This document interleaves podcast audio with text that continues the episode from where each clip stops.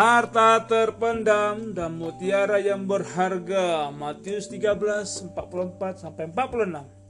Hal kerajaan surga itu seumpama harta yang terpendam di ladang yang ditemukan orang lalu dipendamkannya lagi.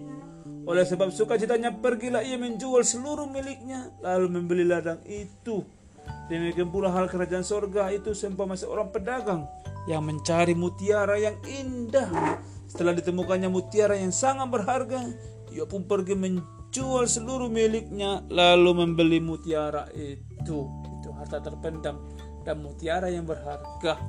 Penggarap-penggarap kebun anggur Matius 21 33 46. Dengarkanlah suatu perumpamaan yang lain adalah seorang tuan tanah membuka kebun anggur, ini kebun anggurnya dan menanam pagar sekelilingnya, ditanam pagar sekelilingnya. Ia menggali lubang tempat memeras anggur dan mendirikan menara jaga ada menara jaganya supaya tidak ada orang pengganggu di dalam di dalam kebun itu. Kemudian dia menyewakan kebun itu kepada penggarap-penggarap lalu mereka berangkat lalu tuan itu pun berangkat ke negeri yang lain.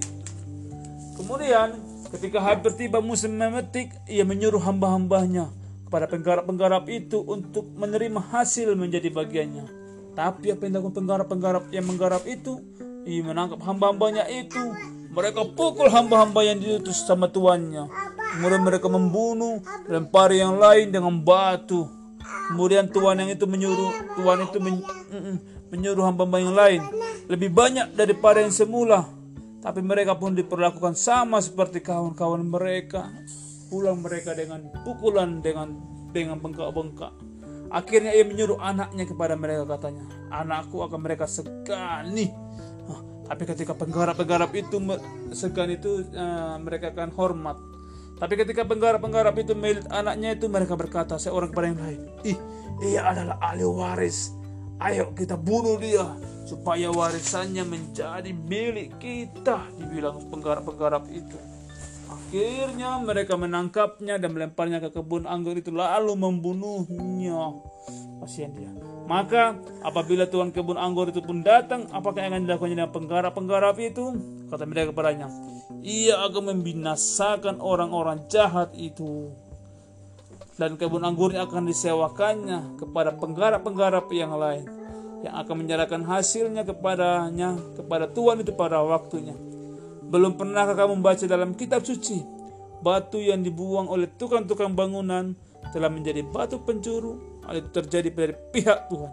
Suatu ini penjuru uh, batu uh, menjadi batu penjuru menjadi batu pusat, menjadi pusat perhatian. Hal itu terjadi dari pihak Tuhan, suatu perbuatan ajaib di mata kita. Sebab itu aku berkata kepadamu bahwa kerajaan Allah akan diambil daripadamu dan akan diberikannya kepada suatu bangsa yang akan menghasilkan buah kerajaan itu. Dan barang siapa jatuh ke atas batu itu akan hancur. Dan siapa ditimpa batu itu ia akan remuk. Ketika imam-imam kepala dan orang-orang Farisi mendengar perumpamaan-perumpamaan Yesus, mereka mengerti bahwa mereka yang dimaksudkannya. Dan mereka berusaha untuk menangkap dia, tapi mereka takut kepada orang banyak karena orang banyak itu menganggap dia nabi. Demikian firman Tuhan. Tahu ceritanya? Tahu, tahu, okay. tahu.